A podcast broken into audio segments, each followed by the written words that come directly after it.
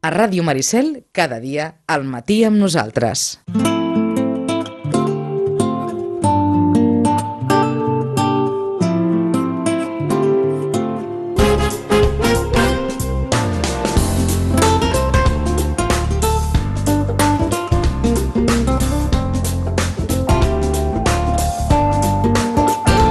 Un minut passa d'un quart d'onze. Del 36, 1936, fins al 2013, algunes coses no havien canviat a l'edifici de la biblioteca.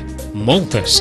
Perquè gairebé diríem que les, les dues grans reformes de la biblioteca bàsicament varen ser la creació d'aquella sala de revistes, on hi havia antigament la, la sala infantil de la, de la biblioteca i la sala Lolita Miravent. Més enllà eh, d'aquests dos espais, poques obres i, com a mínim, cap d'aquesta magnitud, com la que ha embarcat la biblioteca els darrers dos anys, havien tingut lloc en un dels nostres edificis patrimonials. La Casa Miquel Utrillo, que té 100 anys, com 100 anys també té la Casa del Rellotge i com l'any que ve farà 100 anys l'edifici de l'Hotel Subur. Aquest cas ja més remodelat, la remodelació del 65, però la casa d'Utrillo és la mateixa casa de l'any 1915. Però aquesta casa del 1915 s'havia d'adaptar per fer-la fàcil, òbviament, a aquelles persones amb dificultats de mobilitat. Una casa com aquesta s'havia d'instal·lar un ascensor, i això no era tasca fàcil, i òbviament havia de poder facilitar encara més les coses no només a les professionals que hi treballen cada dia, sinó als usuaris, adaptant-se als nous requeriments que ara demanen les biblioteques del segle XXI. Tot això havia de ser possible en una reforma que mantingués l'esperit d'aquest edifici. El darrer dia que teníem amb nosaltres a, la, a les Sonsoles i a, la, i a la Marta ens assenyalaven que molt probablement per, per Sant Jordi, si tot va bé, s'obrirà la biblioteca ja plena de llibres, plena de llibres, plena de material que va més enllà de la, del paper i de, la, i de la literatura. Però de moment el que hi ha és un edifici acabat de remodelar, de dalt a baix. S'ha pogut veure, el divendres va haver jornada de portes obertes i avui la nostra unitat mòbil, amb en Jordi López i en Joan Tutgosaus, és a la biblioteca. Joan, bon dia i bona hora. Bon dia, Vicent. Salutacions des de, des de la biblioteca, com comentaves. Tenim aquí el continent, i falta el contingut, que en el cas d'una biblioteca el contingut és fonamental, però el continent, eh, i parlant del lloc que estem parlant, de la casa Miquel Utrillo, és també molt important. Eh, tranquil·litat, ens hem situat, ara per començar la connexió, al costat de la font, eh, mm. perquè de fons, eh, sentiu... Una, una mica sí que se sent, eh, tímidament, eh? Espera, espera. Mira, ara sí. Ara sí, eh? És fàcil. Ara sí, esteu en aquest, en aquest pati remodelat, amb aquest paviment nou de trinca. Uh -huh. uh, al costat de la rampa. Al costat de la rampa. És, de fet, ara ens ho comentava la Marta, la, clar, la necessitat de, de l'actuació era bàsicament la, la supressió de les barreres arquitectòniques i, per tant, la, la construcció d'aquest nou ascensor i la instal·lació d'aquesta rampa per salvar aquest petit, petit, però existent desnivell uh Mhm. -huh. que existeix entre la sala Antoni de Samir i el pati. I per tant, doncs, d'aquesta manera eh, s'ha pogut salvar amb una, amb una rampa finalment, una rampa metàl·lica, que és una de les coses que doncs, a la gent que encara no hagi passat per aquí, per la biblioteca, més els hi cridarà l'atenció, perquè doncs, trenca en certa mesura l'estructura d'aquest eh, pati, però ho fa de la manera, segons va explicar, i després ho, ho, ho, ho, Uh -huh. ho comentareu, doncs, eh, de la manera menys agressiva possible eh, per, la, per la vista perquè doncs, eh, és un edifici doncs, qui hagi visitat per biblioteques, clar, totes les biblioteques són com molt noves, molt noves, molt noves, molt grans, molt diàfanes, i clar, això és un edifici, com comentaves, de fa 100 anys. Està contenta la Marta, no? Està contenta la Marta, bon dia. Bon dia, molt contenta. Sí, fa goig de veure així. Sí, sí, tant. I després de la jornada de divendres, doncs encara més, no? Perquè era allò de, ai, aviam què diran, aviam què diran. I la veritat és que en general tothom li va agradar moltíssim i crec que van redescobrir o descobrir una nova biblioteca, un nou edifici, de fet. Eh, eh, La Marta serà la directora de la biblioteca. Sí, exacte. Per tant, s'afegirà a una llista, i em sembla que ho podem dir així, de persones molt estimades a Sitges. Molt, i això pesa, eh? Molt, això suposo que deu, deu pesar, eh? Deu pesar, deu pesar. Bueno, pesa, ja t'ho dic. Ahà. sí, tant. I tant, però bé, tinc també un, un equip, que, que és el mateix que porta molts anys treballant aquí a la biblioteca, que la coneixen molt bé, que són el contacte amb els usuaris de tota la vida i confio molt en ells i que també doncs, entre tots farem bona feina. Mm. Mhm.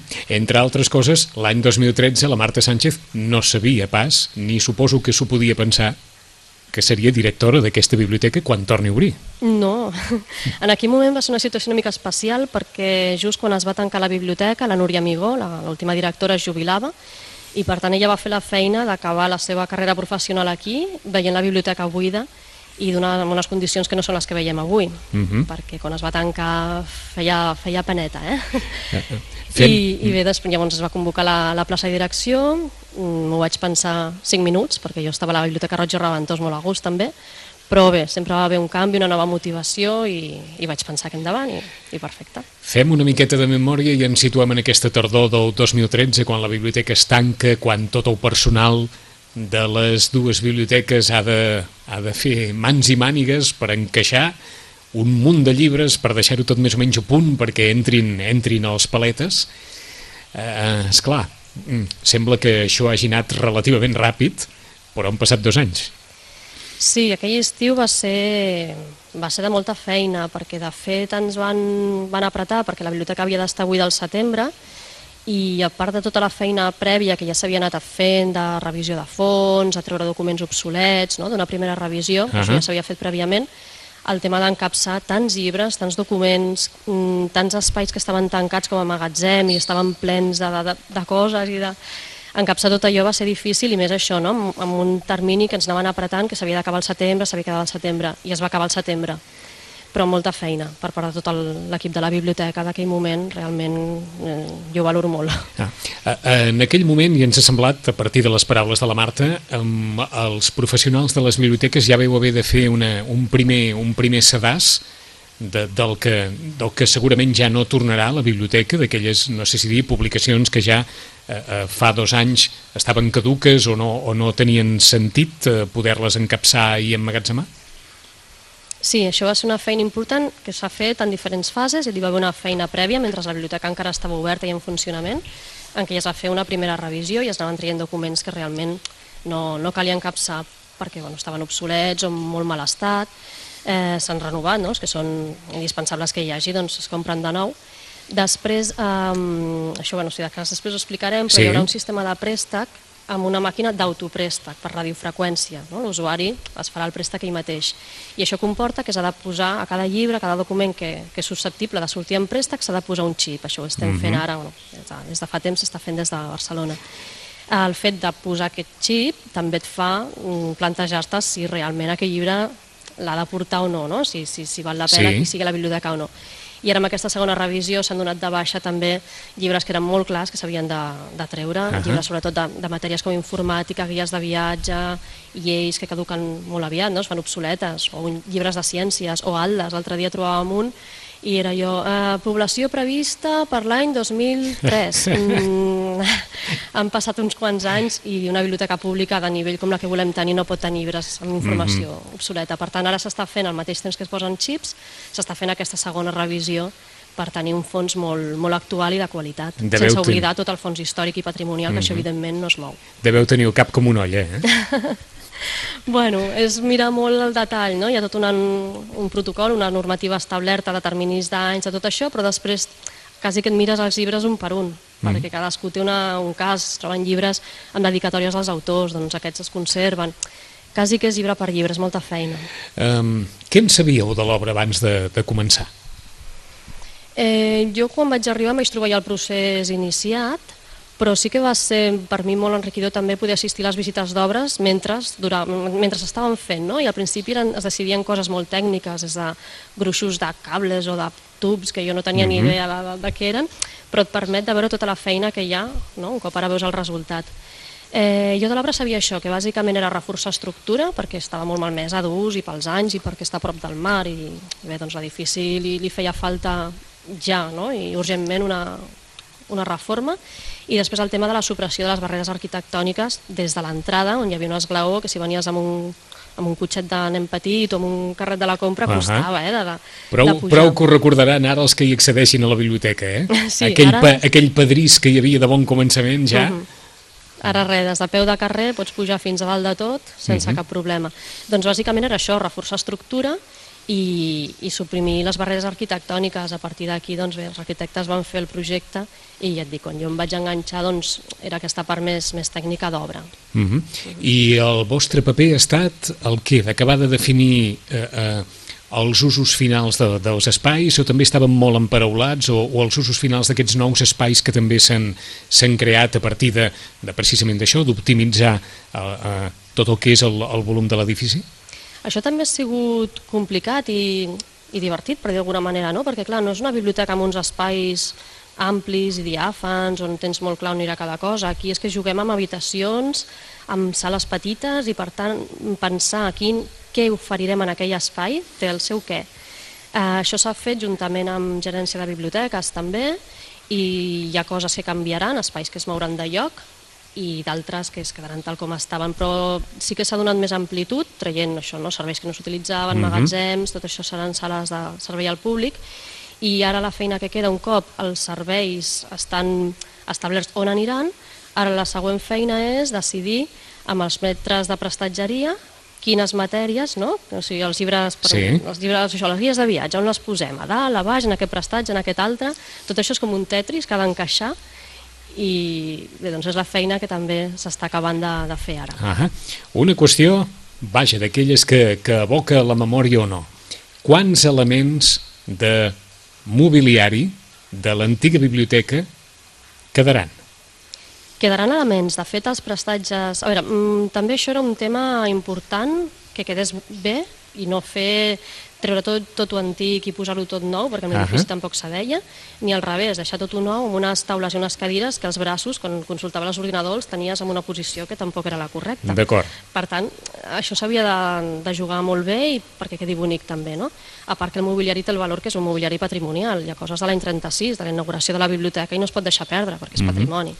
Per tant, s'ha mirat de conjugar les dues coses. Llavors hi ha part de mobiliari que es queda, restaurat i, i en condicions, i d'altre que serà nou. I d'altre que es queda, però no era d'aquest de l'any 36, no? prestatgeries metàl·liques que s'havien comprat després, doncs també hi ha una part que es conserva. Es aniran trobant aquests elements antics barrejats amb aquests elements nous. Per tant, hi haurà sales on trobarem prestatges de fusta, d'aquestes que hi ha a la paret, Sí. amb prestatgeria metàl·lica nova.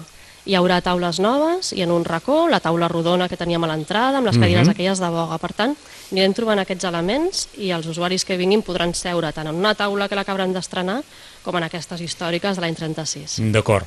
En eh, Jordi i en Joan han entrat, com entrarà tothom, per aquesta, per aquesta rampa que han fet els arquitectes eh, i que en el seu moment l'Albert Bragués explicava que s'ha fet a partir de la proporció àurea, que és una altra de les, diguem-ne, de- d'aquells detalls de sensibilitat que hi han posat els arquitectes en tot això, però el primer que crida l'atenció només entrar a la biblioteca i suposo que tant amb en Joan amb en Jordi us haurà cridat l'atenció és aquesta, aquesta finestra que comunica visualment l'entrada amb el que era la, la sala de lectura habitual de la planta baixa, no? Sí, aquesta finestra es va fer perquè el taulell canvia d'espai Mhm. i llavors qui, el personal que estigui atenent no, en aquest taulell doncs, també té la visió de qui entra a la biblioteca. No és un passadís tancat i de cop la, la sala, sinó que queda bon principi i ja veus que dintre estan passant coses no? per aquesta finestra i des de dintre en fora, doncs, des de dintre de la sala fin, cap al passadís igual. A sota de la finestra, a dintre de les sales, no? que ens situem a dintre de la perquè sala, ens ho has posat molt bé, el que cridarà més l'atenció a l'usuari de la biblioteca respecte a la biblioteca anterior serà, per una banda, que el taulell no estarà No. situat en el mateix lloc Uh -huh. i d'entrada a mà esquerra, allà on hi havia, on hi havia hagut l'enciclopèdia Espasa i aquella taula rodona amb les cadires de boga, hi ha l'ascensor. Exacte, sí. Aquell quadradet Ah. on hi havia aquella taula, ara hi ha l'ascensor. Però també ha quedat bastant integrat en tot el, Està clar. en tot el local. Eh? Molt ben integrat, que no era gens fàcil, això Mm, tampoc, no, eh? no, no, no. Doncs anem per aquesta zona del taulell que ens comentaves, Marta, el taulell, i que també molt a prop hi haurà aquesta, aquestes màquines expenedores de llibres de préstec. A És veure, una, exponedores no, perquè no t'expondran No res. t'expondran els res. La idea és que qui vingui, passegi per tota la biblioteca, fullegi, pregunti, la gaudeixi, i un cop ha decidit el que es vol emportar en préstec, ha d'anar en aquesta màquina, que estarà situada on abans hi havia el taulell, per tant Sí. el préstec es farà al mateix lloc. El que passa que ha una diferència, que cadascú es farà el seu préstec. És com quan anem al Decaldón, que hi ha unes màquines on tu mateix Entesos. et pagues, no? Doncs una miqueta la idea és aquesta, Mhm. de treure al, al, al personal de la biblioteca aquesta feina mecànica de passar codis de barres i que això ho faci l'usuari, de manera que ell també té més control sobre el que s'emporta, perquè llavors surt un tiquet amb tota la llista de llibres que té prestats, en fi. L'usuari doncs, és més independent i s'ho pot fer ell perquè és una feina molt mecànica, realment no té cap secret i amb aquestes màquines que estan funcionant en altres biblioteques doncs es veu eh, que és senzill d'ús. I bé, doncs passarà per aquesta màquina i es podran portar els llibres en préstec. Hi haurà a l'entrada també un sistema, unes barres d'aquestes d'antifurt, que si algú doncs, direm, es despista i es deixa de passar un llibre o alguna cosa, doncs això pitarà, per tant hi haurà més seguretat. I el personal que estarà al taulell del davant doncs, sempre estarà disposat a donar un cop de mà, ajudar, evidentment al principi sempre un de nosaltres estarem explicant com funciona aquesta màquina, però ja veureu que no té, no té cap secret. I al mateix temps, no, amb, el, amb el temps, després d'aquest temps de rodatge, de que tothom hagi après com funcionen, tothom, no? jo la primera Mhm. tongada de- d'usuaris, doncs el- a l'equip això també ens deslliura d'aquesta feina més mecànica i et permet doncs, donar un- servei d'informació més, amb més temps, amb més calma, a recomanar llibres, això no es perd, no? Aquell, aquell contacte de que mentre fas el préstec recomanes una novel·la, això no s'ha de perdre, perquè simplement el que treus és la part mecànica de, de fer el préstec. No? Que trobareu a faltar, l'antic taulell? Mm, potser algú sí, clar. de totes maneres, el que hi havia ara tampoc era l'antic antic, eh? Ah, l'antic està guardat. L'antic està guardat? L'antic està guardat, sí. Sí, sí. Caram. I mm, bé, si es pogués, això no ho puc assegurar, eh? perquè Ahà. clar, les mides, tot això Sí. doncs, és el que mana. Si es pogués, ens agradaria recuperar-lo i poder-lo posar en algun racó d'aquí de la biblioteca, però no ho puc assegurar. D'acord, us han Però donat alguna esperança sobre si hi ha possibilitat? És qüestió de mides, Ja. perquè clar, tot, també tot això va tant per normativa, no? que hi ha d'haver els passadissos, hi ha d'haver un X metres de distància, i tot això, clar, no pots posar un moble en un lloc que després quedi el pas estret, perquè per seguretat i per normativa no pots. Estem al pati, com ens comentava en Joan, la sala gran de baix. A què estarà destinada? Serà sala de lectura també com la coneixíem i a vegades sala de conferències o com quedarà aquesta sala? No, aquesta sala serà una sala que des de les finestres que donen al carrer volem que es vegi que hi ha vida a la biblioteca i que hi passen coses. Aquí hi haurà la secció de la zona de revistes i de diaris, per tant es desplaça una miqueta, no? Quedava en aquella sala de Sí. dintre més amagat, doncs ara estarà aquí. La primera, la primera que veiem serà això, les butaques amb les, amb les revistes als diaris, el taulell de préstec i els llibres que hi haurà seran d'aquests que són de consultar molt, molt ràpida i molt guies de viatge, per exemple, Sí. no? que vas a buscar la guia perquè te'n vas de viatge, pim-pam, no cal res més. Mhm. eh, serà una primera sala això, doncs, d'acollida i, i de moviment. I llavors les activitats que es facin, això també és una, un tema que ens agrada molt de, de poder dir, que tindrem una sala polivalent, que és molt necessària perquè et condiciona moltíssim el tipus d'activitat que fas, els horaris, on pots fer una activitat. I ara tindrem la sala de polivalent, que serà la sala Lolita Miravent, Mhm. que a més és una sala molt bonica, no? el terra ha quedat brillant, ja que hi ha el tell, on hi haurà els llibres de fons antic, eh, i allà doncs, això, passaran bé, totes les activitats que, que organitza la biblioteca i això diversificarà també el tipus de, de cosa que pots oferir, no? d'activitat cultural que pots oferir. I el que era la sala de revistes, Marta? I allà tornarà la sala infantil. Abans deies eh, que hi havia hagut la sala infantil aquí a baix, doncs els nens ja no hauran de pujar escales, podran pujar i mirar la biblioteca, eh? està oberta a tothom, totes les sales, però la sala infantil estarà aquí baix, on abans hi havia les revistes, i hi haurà com dues zones també, no? la dels llibres de coneixements, de, de matèries, i després doncs, els seus contes i els llibres de ficció. I després, en el pati, hi havia un despatx tancat, on hi havia la col·lecció local, una sala petiteta, Sí. doncs allò també serà com un annex, serà un annex de la sala infantil, mm, molt movible. En principi serà pels més petitons, amb bucs, amb els contes aquests de pàgines de cartró, Sí. eh, que perquè puguin bueno, que no cal que estiguin en, completament en silenci, no, sinó que tindran una sala doncs, per disfrutar-ho amb els pares i mares que els acompanyin i a part aquí també doncs, segurament farem les hores del conte, es poden fer tallers, per tant és una sala on poden passar coses sense que destorbi els altres nens que estiguin fent deures o que estiguin estudiant. I ara tornem al punt de partida. En Joan ens assenyalava que estàvem al pati. Era, no sé si dir, mm, el, el, la cirereta d'aquest pastís, el, el pati com quedés al pati, i no sé si, arran de les visites del, del divendres, eh, tots aquells que han vingut a veure l'edifici de la biblioteca, el pati ha estat un, un dels indrets més, més comentats. El pati ha sigut un dels llocs on s'han sentit més oh, pel tema del terra, del paviment, de les rajoles hidràuliques que s'han canviat totes i ha quedat molt maco. I a mi em feia també no, el tema de la rampa. Aviam, aviam, Aquesta rampa, no? Sí, aviam què diran, i aviam si agrada, i la veritat és que tothom ha valorat el fet de dir no, no, hi havia de ser-hi, i dintre del que havia de ser-hi doncs, és lleugera, bueno, hi ha el color blau de, de la resta, per tant està molt integrat en el, en el pati, clar, és una rampa, però ha quedat bastant integrat, i ja et dic, Mhm. al terra sí que ha sigut molt bonic la, de veure la reacció de tothom que va venir divendres, Ahà. perquè realment val la pena de veure. Això de la normativa és una mica complicat, eh? Sí, Sí, perquè Sí. imposa a vegades algunes restriccions que, que és difícil conciliar amb, el, amb la imatge que havíem tingut sempre de la biblioteca, no? clar. Sí, sí, clar, però és una casa que té 100 anys i ara estem al 2015, llavors Mhm. en tot aquest temps han passat coses i les normatives són una d'elles.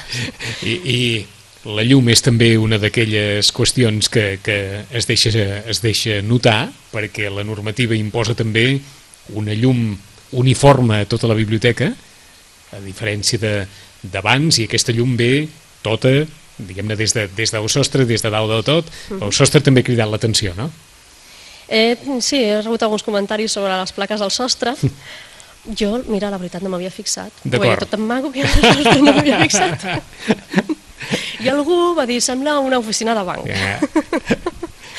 Doncs tornem al mateix. Per normativa s'havien de canviar els fluorescents que estaven penjants de la sala Sí, i de fet, clar, queda millor, no?, que no tenia els fluorescents penjats. Mhm. Ara, clar, mm, també doncs, hi ha bueno, tota una sèrie de part tècnica, no?, dels looks que ha de tenir, de la, de la, mm, del llum aquest... Mm, bé, uh, sí, doncs ara hi ha uns fluorescents no?, integrats en el sostre amb unes plaques quadrades i el sostre és de, de plaques. Mm -hmm. Pugem l'escala, aquesta escala del primer pis que... Doncs fem, si de cas, Home, mentre, mentre ho comentes, ho, ho podem anar fent. Doncs vinga. Oi? Ah, no, no hem comentat encara El la que vulguis, darrera, Joan, la darrera mateix. de les sales. Eh, Ens hem deixat per comentar una, que era aquella on abans hi havia, si no recordo malament, les guies de viatge i, i llibres eh, eh, d'informàtica o llibres de qüestions tècniques, la sala del final, de, de la sala Samir. Sí, Eh, Marta, aquesta... la, la sala prèvia a la sala Lolita Miravent, eh? Eh, sí, de fet, Sí. Que, que hi ha entremig, és a dir, hi ha, hi ha com un vestíbul, Mhm. i després del vestíbul hi ha aquesta sala que hi ha una finestra que dona ja a la, al racó de la cau. Ah, exacte. Doncs aquesta, aquesta serà la sala, segons ens comentava la Marta, de despatx. Exacte, aquí tindrem la zona interna per treballar tot l'equip de la biblioteca, que també és una zona important perquè a part del, del que veiem, no, de la feina que fem darrere els taulells, també hi ha tota una feina a la biblioteca que s'ha de fer des de despatx, no, d'organització i de gestió de la biblioteca, i treballar aquí és que és un luxe, perquè jo m'imagino en aquest despatx, la, la, la taula també serà una de les taules recuperades, l'any 36, per tant estaré de, Caram. de luxe. Jo Estem pujant l'escala al primer pis Sí. de la biblioteca i Anem- aquesta escala té, té el repte del, I encara, del color. encara no hem Vinga. comentat una, una novetat Vinga. eh, que, eh, que es trobaran també els usuaris, que és el nou lavabo de, Sí. la, de la planta baixa, Sí. perquè de fet eh, a la, diguem, a l'extrem de la, de la sala antiga eh, gran, de la, de la sala polivalent que es feia servir de sala de lectura i també de sala d'actes, eh, eh, en el, al costat del passadís que, que dona accés al que serà la futura sala infantil o al costat del que serà aquest taulell futur que, que diguem, es, es mou de costat de, de la paret, hi ha el nou lavabo.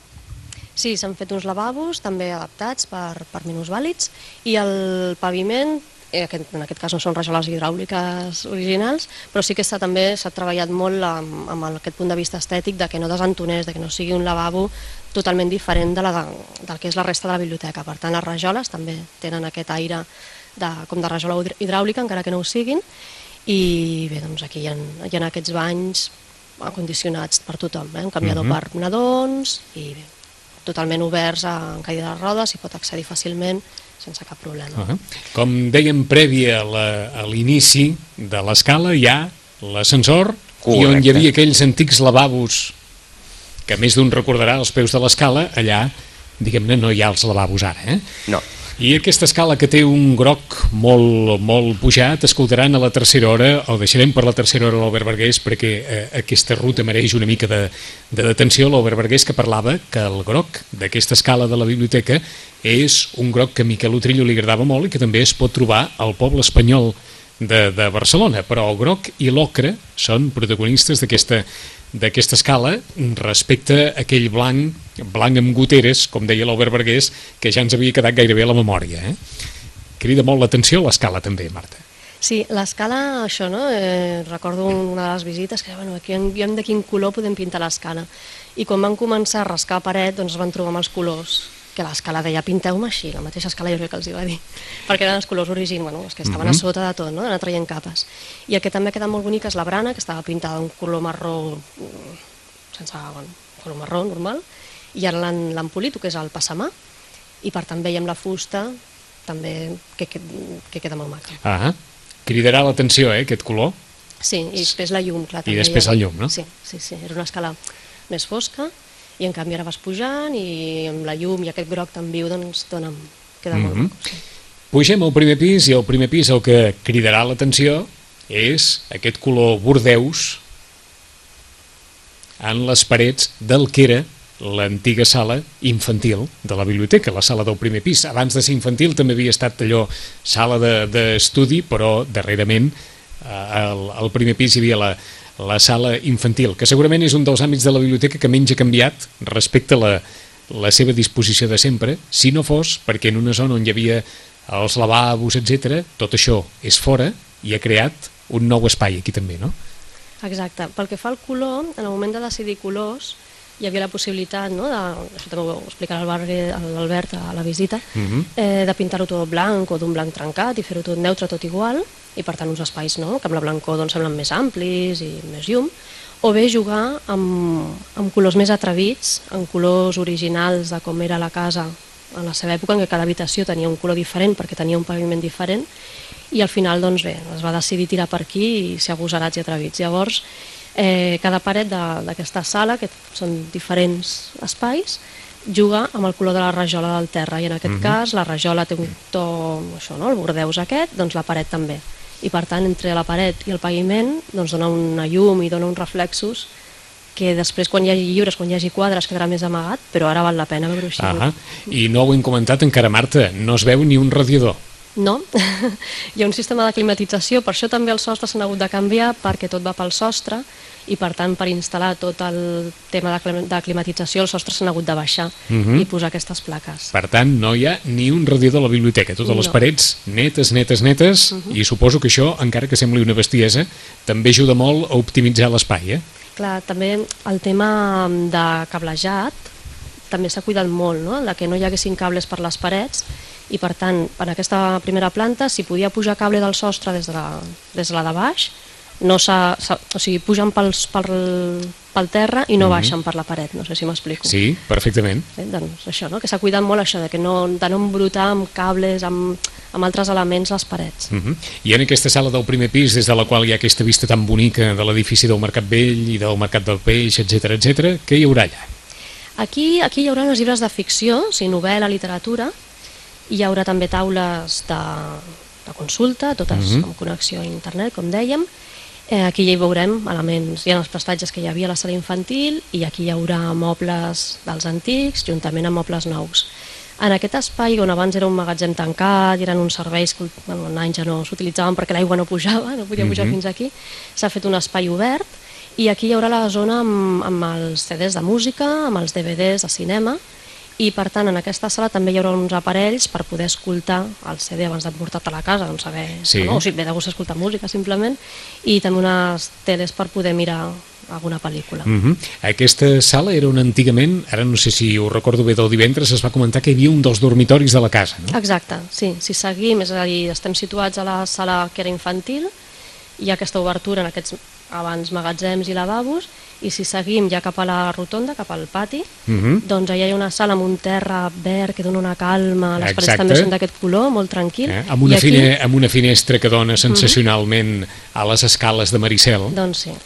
I aquí era un dormitori, es veu, sí. sí. Ah mm. I en aquest espai, en aquest espai tranquil, aquest color verd, em sembla que li acabarem dient la sala verda, una cosa uh -huh. així, hi haurà també llibres de matèries i just sota la finestra també hi haurà una taula llarga amb punts de lectura. D'acord.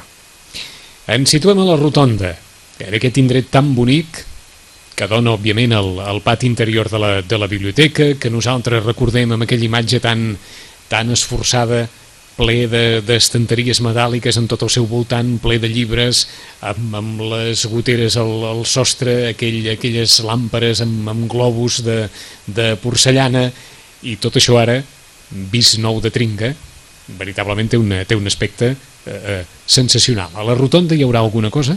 A la rotonda hi tornarà a haver prestatges en llibre, Sí. hi tornarà a haver les taules amb punts de consulta a, a sota de cada una de les finestres, Sí. i a la rotonda el que hi ha de nou també són dues obertures que donen a, a la sala exinfantil, Eh? val? i aquestes dues obertures també són noves Exacte. i permet que la llum mm, vingui del pati, vingui de la part del- d'un carrer, vingui de la part de l'altra, s'ajuntin i doni una sensació més d'amplitud i, de, i de llum. Mhm. Que dintre de que són això, no? que dèiem habitacions tancades, doncs al mateix temps que siguin el més obertes possible. D'acord. En Però aquest... sí, hi haurà prestatges Mhm. i hi haurà també punts de la, de consulta. D'acord. En aquesta rotonda també hi ha accés a uns serveis, Mhm. en aquest, en aquest eh, primer pis, i a la part de font, del fons, una altra sala que segurament, mm, vaja, difícilment hi havien accedit eh, eh, abans els usuaris de la biblioteca, no? Sí, això eren dues sales, són dues sales, que és un espai que s'havia utilitzat, li han donat molts usos al llarg d'aquests anys, però jo recordo, he sentit a la Maria Saborit dient llàstima aquest espai, que no fe- sigui per biblioteca, no és enorme, però sí que et dona doncs, bueno, un espai més. No? Són dues sales amb un terra molt bonic, en tons ocres, marrons i rosa, Sí. i la paret s'ha pintat de color rosa, Uh -huh. i queda molt, molt, molt, molt bé, molt ben enconjuntat. Aquí hi heu pensat que, que hi haurà? Sí, en aquesta primera sala hi haurà els llibres de ciències, de matemàtiques, física, botànica, mm, animals, informàtica, etc. I eh, també els de... Bé, doncs tot, tot el que seria ciències. Ahà. I també és tota la finestra que si obrim dona al, a l'escala del Maricel, Sí. doncs una altra vegada una taula tota llarga amb punts de lectura. I l'altra part de la sala, que és més petiteta, aquesta serà tancada i aquí aniria el que serà els llibres de col·lecció local que estan exclosos de préstec. Per tant, aquí, qui vulgui consultar algun llibre, on que no es pot emportar en préstec, doncs serem el personal de la biblioteca qui li haurem de servir. Ahà. De totes maneres, també està previst de posar un punt de consulta perquè si hi ha alguna persona, un investigador, que està fent un treball i necessita consultar algun llibre sovint i no se'l pot emportar a casa, que també pugui treballar des d'aquí. És restringit, però no una entrada Mhm. prohibida. Encara no n'havíem parlat, però la biblioteca ha guanyat en espai o no? Ha guanyat espais, aquí on estem ara mateix, és un espai guanyat, en metres quadrats ha guanyat, el que passa que és clar, en metres lineals de prestatgeria mm, potser no ha guanyat tant en el sentit de que, clar, on abans hi havia una sala, la sala Samir, plena de prestatges així amb, amb pinta, Ahà. ara són uns despatxos, per tant tot aquest espai s'ha perdut. S'ha racionalitzat i de fet abans que teníem prestatges plens d'un extrem a l'altre i ara això no hi serà perquè el fons ha de créixer. No? D'aquí la importància també de fer tota una revisió de fons. D'acord, t'ho preguntàvem precisament per això, per si entre els vostres neguits hi havia el de què vols dir que ens hi cabrà tot, què vols dir que ens hi cabrà tot. És un neguit, eh? És un sí, neguit? Sí que és un neguit, perquè clar, ja ho veus que, bueno, que, hi ha de cap, que no hi ha de cabre tot, això per començar. Uh -huh. que volem una biblioteca amb un fons actualitzat. A la biblioteca, a la sala infantil, per exemple, hi havia molt de marge perquè no hi hagués de cabre tot, i al revés, no? de poder tenir un fons actual, maco, atraient i atractiu, i que els nens doncs, mm, el puguin disfrutar, perquè són llibres que d'es- d'estètica, no? Sí. que sigui, de seguida es veuen que, no, que ja no s'adiu, no? Ahà. que ja no sortiran en préstec. I la biblioteca pública el, de, el que ha de fer és això, tenir llibres que surtin en préstec i que difonguin l'últim, no? el que trobem a la llibreria que ho trobin a la biblioteca. Uh -huh. Doncs a veure si el nostre micròfon inalàmbric dona com per poder pujar a la sala Utrillo. Doncs ho intentem. Intentem. A veure... Escales amunt i anem a aquella sala que el propi Albert Vergués deia que feia com a 4 o 5 anys que no s'hi podia accedir i que qui hi accedia notava que, que el terra que el terra s'imbrejava. Per cert, la llum, la il·luminació Sí. de, les, es- de, de les escales s'encén, és, és d'aquella... S'encén sola, eh? Ah, exacte, és aquella que... Nos, tots tres tenim presència, perquè només entrem i ja, ja d'allò, no és com aquell anunci de l'aire condicionat que es desconnecta. Ah, doncs, exacte. És la manera... Vaja, els qui, els qui tinguin un... Posarem un, un exemple molt... No tot Sitges hi ha anat, però els que tinguin algun pis d'aquests de la caixa, doncs és com, com aquells llums que només, només apareixes al passadís, paf, i, i s'encenen. Els que s'encenen i s'apaguen quan, quan eh, desapareixes. Però a part és automàtic, eh? no cal esperar res. En un momentet ja tens, eh, ja tens el llum encès. Esteu ara a la sala Utrillo, Joan. Ja som dalt, sí, correctament, amb, eh, amb el pati, que el pati diguem que és el que falta per fer, Ahà. perquè diguem que es veu clarament quan, quan, accedeixes, eh, quan accedeixes a dalt que, que, que encara falta una maneta o un parell de manetes aquí dalt al pati. Sí, això a veure si es pot aconseguir perquè és unes terrasses precioses, amb unes vistes i, i dona moltes possibilitats de poder fer activitats aquí, perquè és que, és que ho veus, t'imagines. Ahà. Són preciosos, està ple de mosaics, però clar, està molt malmès ara. I sí, aquí fa falta eh, bé, doncs, tot un treball de, de posar-ho a punt i després de mantenir-ho. Hi ha moltes jardineres que aquí, si li posen plantes, s'han de mantenir, no? i tot el tema d'això, dels, dels mosaics mateix, hi ha moltes que han caigut, que estan conservats, però tot això s'ha d'arreglar. Ha estem una- intentant, Ahà. estan intentant, s'està treballant per poder fer un conveni i de manera doncs, que una institució s'encarregui del manteniment, però que tant patrimoni en aquest cas com nosaltres doncs, es pugui utilitzar no, com a espai per fer això, per fer actes o per donar-ho a conèixer simplement, perquè ahir, el divendres, quan venia la gent aquí dalt, que era una sala que, que era molt, molt tancada, molt restringida, no pujava gairebé ningú, i va ser com una sorpresa. De fet, jo crec que va ser la sorpresa de la biblioteca, no? de veure aquestes terrasses i de veure aquesta sala. I per tant s'ha de donar a conèixer perquè és que és nostra. Mm -hmm. Són molt conscients, no sé si dir, els arquitectes, els, els responsables de la, de la Diputació de, de com està aquesta terrassa i del que es podria fer o no. Ho dic perquè més enllà que, que les professionals de la biblioteca que deveu pensar llàstima que no hem pogut arribar fins, a, fins aquí i ens hem quedat al, al llindar de la porta, mm, hi ha una certa consciència que aquí s'hi pot fer alguna cosa o que s'hauria de fer alguna cosa? Sí, sí, sí, Sí. sí. de fet el terra sí que s'ha reforçat, però clar, també faltaria el, altres temes de seguretat, no? de finestres que donen al carrer, o sigui, una paret amb uns arcs, amb, un, Sí. amb unes obertures, clar, tot això també de seguretat per fer coses en, en públic s'ha de mirar molt, eh? no, no volem tenir cap. Ah, està evident. Clar. Evident. Però sí, de part de la Diputació també està claríssim que és un espai que a part això, no? de que també és patrimoni de Sitges i que, i que està tancat i sense poder donar a conèixer i, i pensem doncs, al revés, no? que ara la biblioteca s'ha d'obrir i ensenyar totes les joies que té i una d'elles són les terrasses. Mm -hmm. El que sí hi ha hagut, eh, per fortuna, eh, oportunitat de treure és tots aquells endimaris de ser inoxidable que havien format part d'una mena de barra de bar de l'època de, de la Universitat Menéndez Pelayo.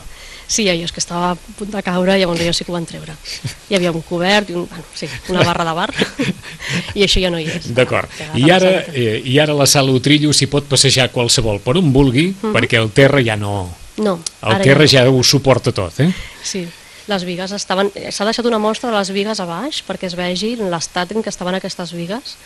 De fet, hi havia unes del sostre que no arribaven a la paret, es desfeien, es, es diluïen, es desintegraven pel Ahà. camí de, de, del temps i, i, i, i estaven molt malament. I la Núria Amigo recordo que sempre ho deia, sí, clar, quan passem per aquí hem de vigilar on caminem perquè el terra notaven com, com Ahà. cedia, no? O el pes dels llibres, clar, havien de posar llibres enganxats a les parets, els prestatges, no enmig de la sala. Tot això es, vigilava moltíssim. Mhm. En Després, quina, clar, en quina casa treballàveu, eh? Sí, Ah, Marta? Després, com que aquí hi havia tot el patrimoni antic, no? el fons Utrillo, el fons Frederic Malà Gelada, el Cau Ferrat, Ahà. doncs la llum del sol també ho fa molt malbé, tot això. I per tant, a les finestres hi havia unes cortines fosques i per tant, entre aquí hi havia ja tot el, el patrimoni documental, però en canvi en unes condicions doncs, que no, no s'ho mereixia. Ahà. I ara, en canvi, tenim unes finestres no? pintades de- d'un verd molt bonic i dona doncs, a la plaça i tot això serà un espai també a recuperar. Doncs aquí també hi haurà llibres de matèria, segurament tindrem llibres d'història o de ciències socials, no? política, economia... Com veieu, cada vegada que anem pujant, doncs els temes són com més seriosos, no? Mhm. Es busca una miqueta això, que la primera planta sigui una sala més sorollosa, o pugui ser-ho, i a mesura que anem pujant, doncs tothom pugui trobar el seu racó, qui busca el silenci per estudiar, com qui busca una biblioteca dinàmica per venir a fer una xerrada. D'acord, és a dir, que la biblioteca complirà d'alguna manera i podrà singularitzar els espais d'acord també amb els interessos de, de, del, vaja, de les persones que hi vagin, no? Sí, tothom s'hi ha de sentir còmode i trobar el seu espai. Mhm. Ara hem fet la prova, Vicenç. Sí. Mira. No s'ha mogut res. Què, és, què ha estat això, aquests cops? Ha estat el meu peu contra el Ah, terra. entesos, és que ara pensava dir que ara si farem molt bé.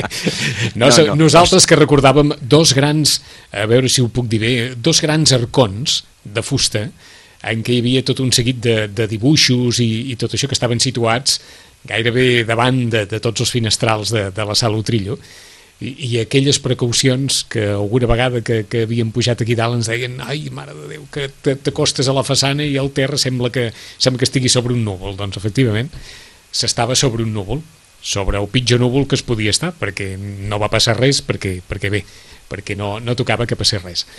I encara les escales pugen més amunt, però més amunt que hi ha, Marta? Més amunt hi ha una altra terrassa.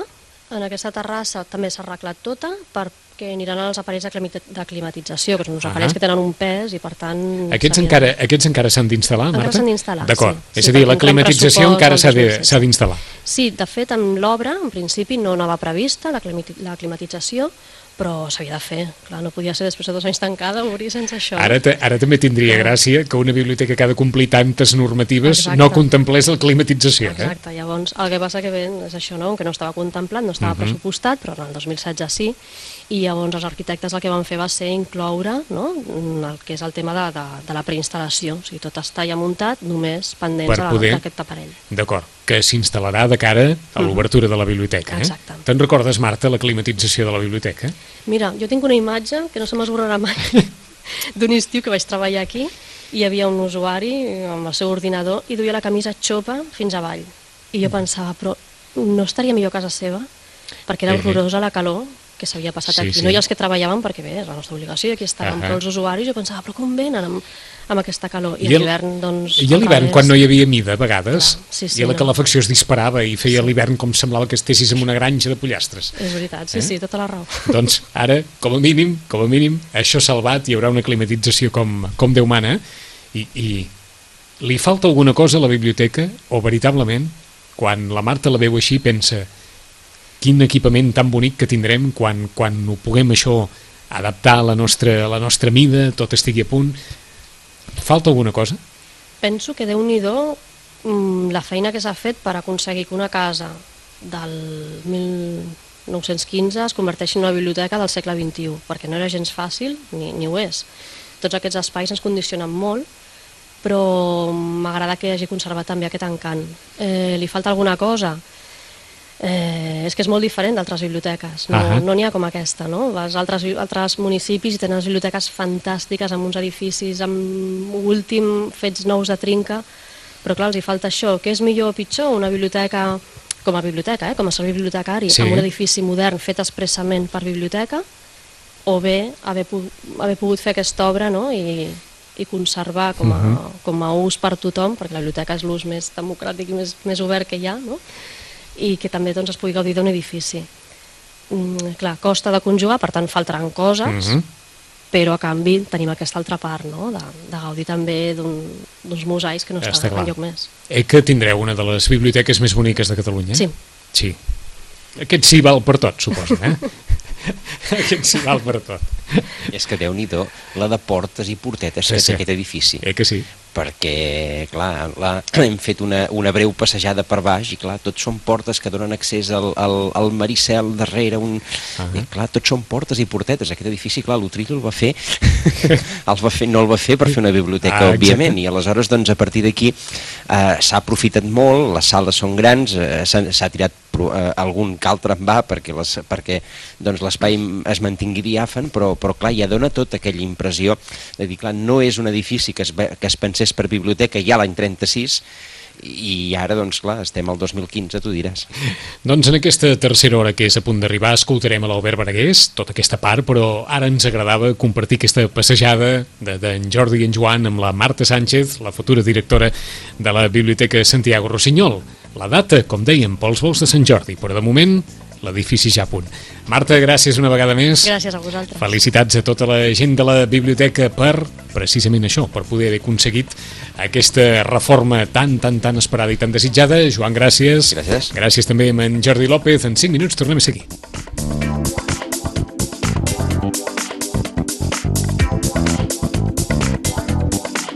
A Ràdio Maricel, cada dia, al matí amb nosaltres. L'home que ha viscut la reforma de la biblioteca, en un altre sentit, és l'arquitecte Albert Baragués. Anem amb ell a la planta baixa i ens explica des de la façana de l'edifici alguns dels detalls d'aquest repte que ha suposat per als arquitectes la reforma de la biblioteca. Arribarem amb ell a les 12.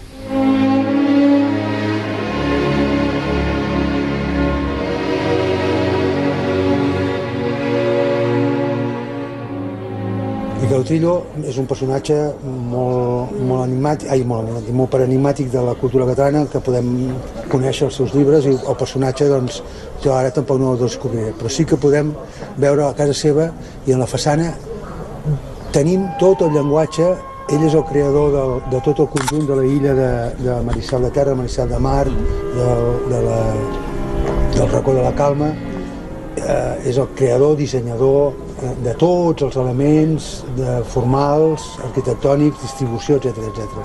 En aquesta façana hi tenim tot, tota la descripció de tots els materials i tots els conceptes arquitectònics que es desenvolupen en aquestes, en aquestes edificacions. Tenim la pedra, el com treballar la pedra, de quina manera treballar-la, quin tipus de pedra, tenim la fusta, quin tipus de fusta, com la treballem, el ferro amb la fusta, que és un altre llenguatge, tenim tota, tota l'arquitectura aquesta d'estocats, de, de, el, el, el, tota la tecnologia dels estocats que es van repetint a tot arreu, els colors, la forja com un element de recuperació d'uns oficis, o sigui, la, la, la dinàmica de la creació d'oficis, de recuperar uns oficis ancestrals, era part del, de, les seves, de la seva manera d'entendre l'arquitectura, la ceràmica, a la fusta en les balconades, els elements, els elements eh, dúctils de, de, de, de forja, les arcades de totxo, el totxo, la ceràmica, les volutes, les cornises, les xumaneies, i el més important, per dir d'alguna manera, a la visita d'avui és que és 1915, o sigui, ara fa 100 anys. Fa 100 anys aquí pràcticament hi havia una casa vella, la van tirar a terra, van fer això, conjuntament amb totes les edificacions, i a partir d'aquí van construir la seva casa, que era la seva casa de la residència habitual, tenia un pis a Barcelona però aquí vivia habitualment, i aquí va desenvolupar tota una sèrie d'arquitectures que tindran l'oportunitat de, de visitar i de gaudir. I sobretot el que intentaré molt és explicar-vos uh, un dels descobriments, que aquesta casa n'és un exemple, que és la llum del Mediterrani. Una de les, de les coses que van descobrir els poetes i van descobrir tots els, tots els o van posar a, a, en el seu aspecte intel·lectual més potent va ser descobrir el Mediterrani i la llum.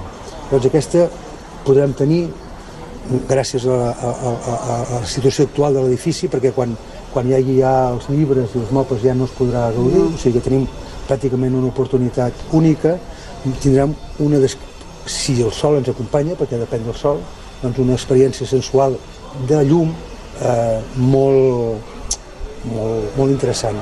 L'edifici, en principi, va néixer, l'actuació en l'edifici va néixer per, acoplar, per adaptar l'edifici de la biblioteca a les condicions de mobilitat, a la llei de mobilitat, aquí hi havia uns esglaons i la llei de mobilitat implicava, doncs, s'havia de resoldre perquè aquí no complia, o s'havia de tancar, vaja. O ens adaptaven a la llei de mobilitat per eh, eh, la mobilitat reduïda o havien de tancar perquè no complia. I un altre dels objectius era adaptar la biblioteca als nous mecanismes i als nous serveis que dona la Diputació de Barcelona a les seves biblioteques, on la tecnologia de les TIC, les, te les tecnologies d'informació i comunicació són bàsiques. Llavors tu des d'aquí, en aquests moments, quan això estigui muntat, a través dels ordenadors, de la mateixa biblioteca, podràs comunicar-te amb els fons, eh, amb els fons documentals d'altres de la xarxa de biblioteques, o sigui, estarà una biblioteca posada al dia des d'un punt de vista tecnològic, que ara doncs, no hi havia absolutament res. L'edifici està, està com estava, no, no, no ha canviat absolutament res, senzillament amb, amb aquest eh, argument que continua insistint tot el rato de buscar que l'edifici ens, va, ens, va, ens, va, ens deia el que teníem que fer, que no tant un edifici d'una biblioteca, sinó d'un edifici d'un arquitecte, per tant, la restauració de l'edifici, no de la biblioteca, la biblioteca és posterior, al sentit de tota la tecnologia que ara s'hi aplicarà, que són tots aquests cables que volten per aquí, doncs ara resulta que aquí vindrà un moble de fusta on hi haurà els endolls, hi haurà els, els endolls dels ordenadors, etc.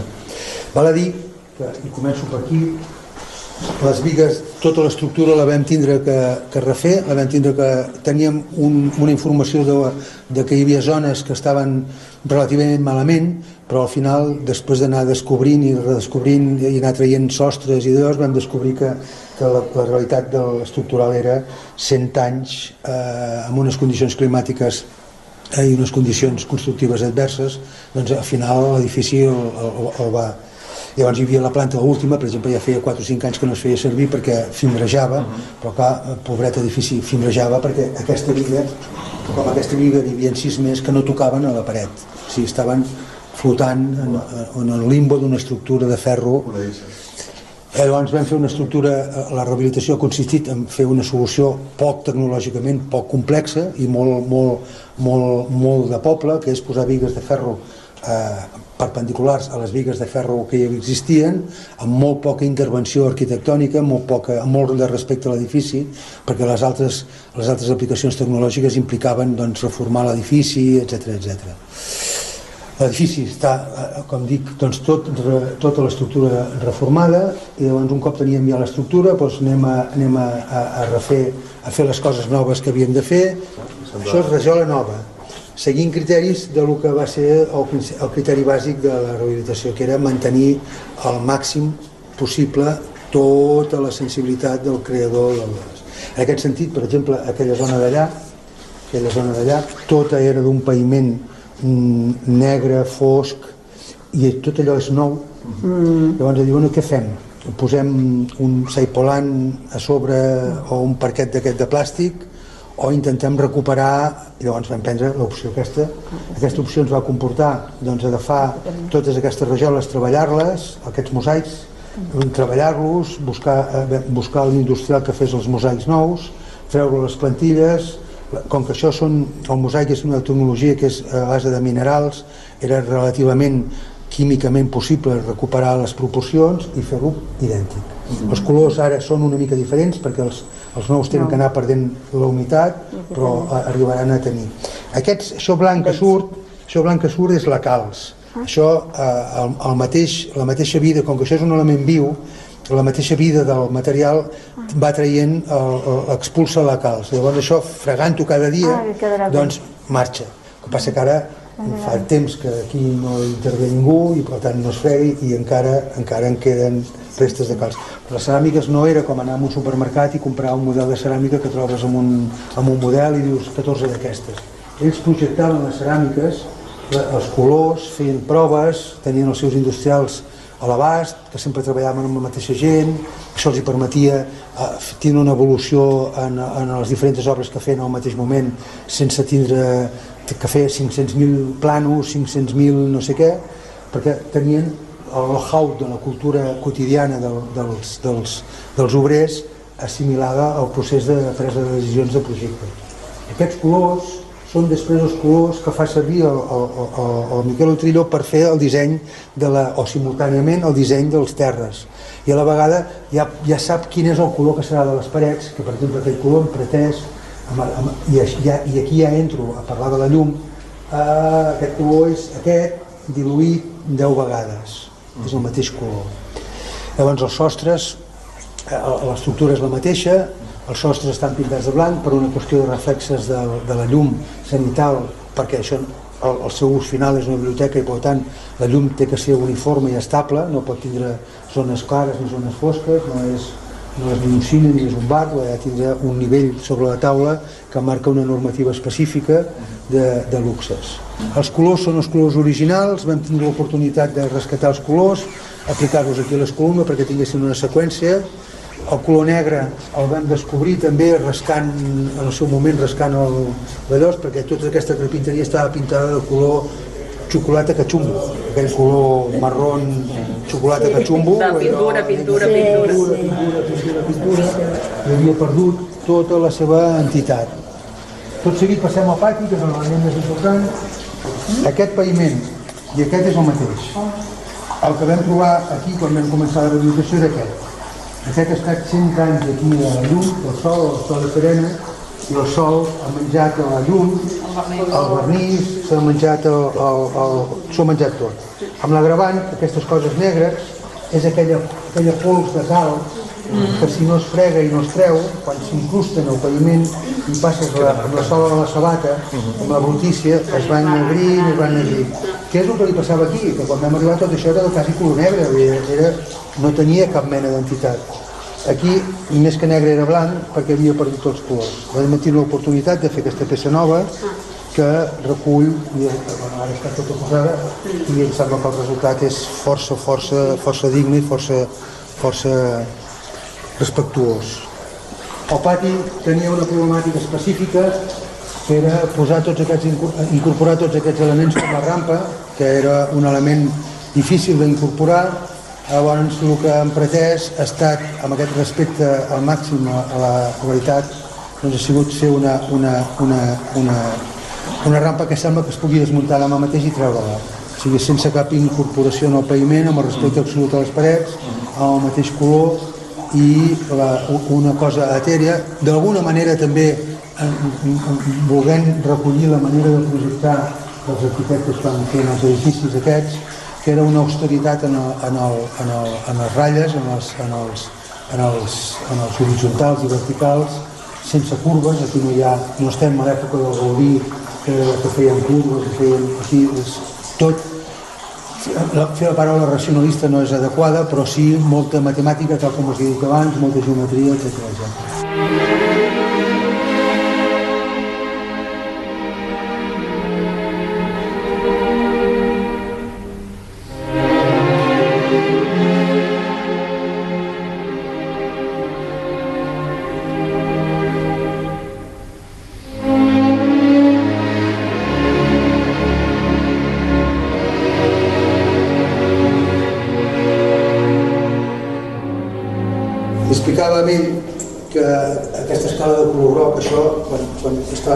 color blanc, una escala normal de color blanc, amb bastantes taquetes d'humitat, o sigui, com, com si diguéssim molt divertida perquè hi havia taques, no?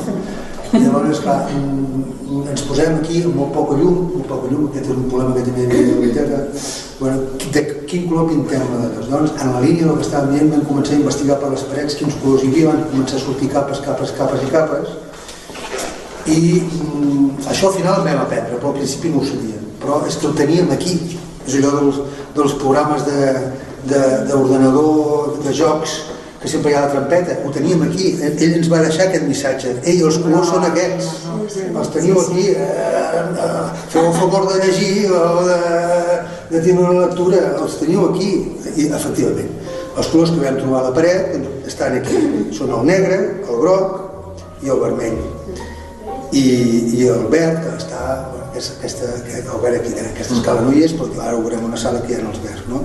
els vermells que els tenim aquí per tant, va, quan, quan, quan vas saber llegir i vas prendre la decisió vas dir no, no, no, no hi ha dubte a més ens vam documentar i resulta que el color groc aquest, aquest específicament era un dels colors rossos preferits de Miquel Utrillo, que està molt aplicada si tingués oportunitat d'anar al poble espanyol allà ha, si queden, queden exemples de, de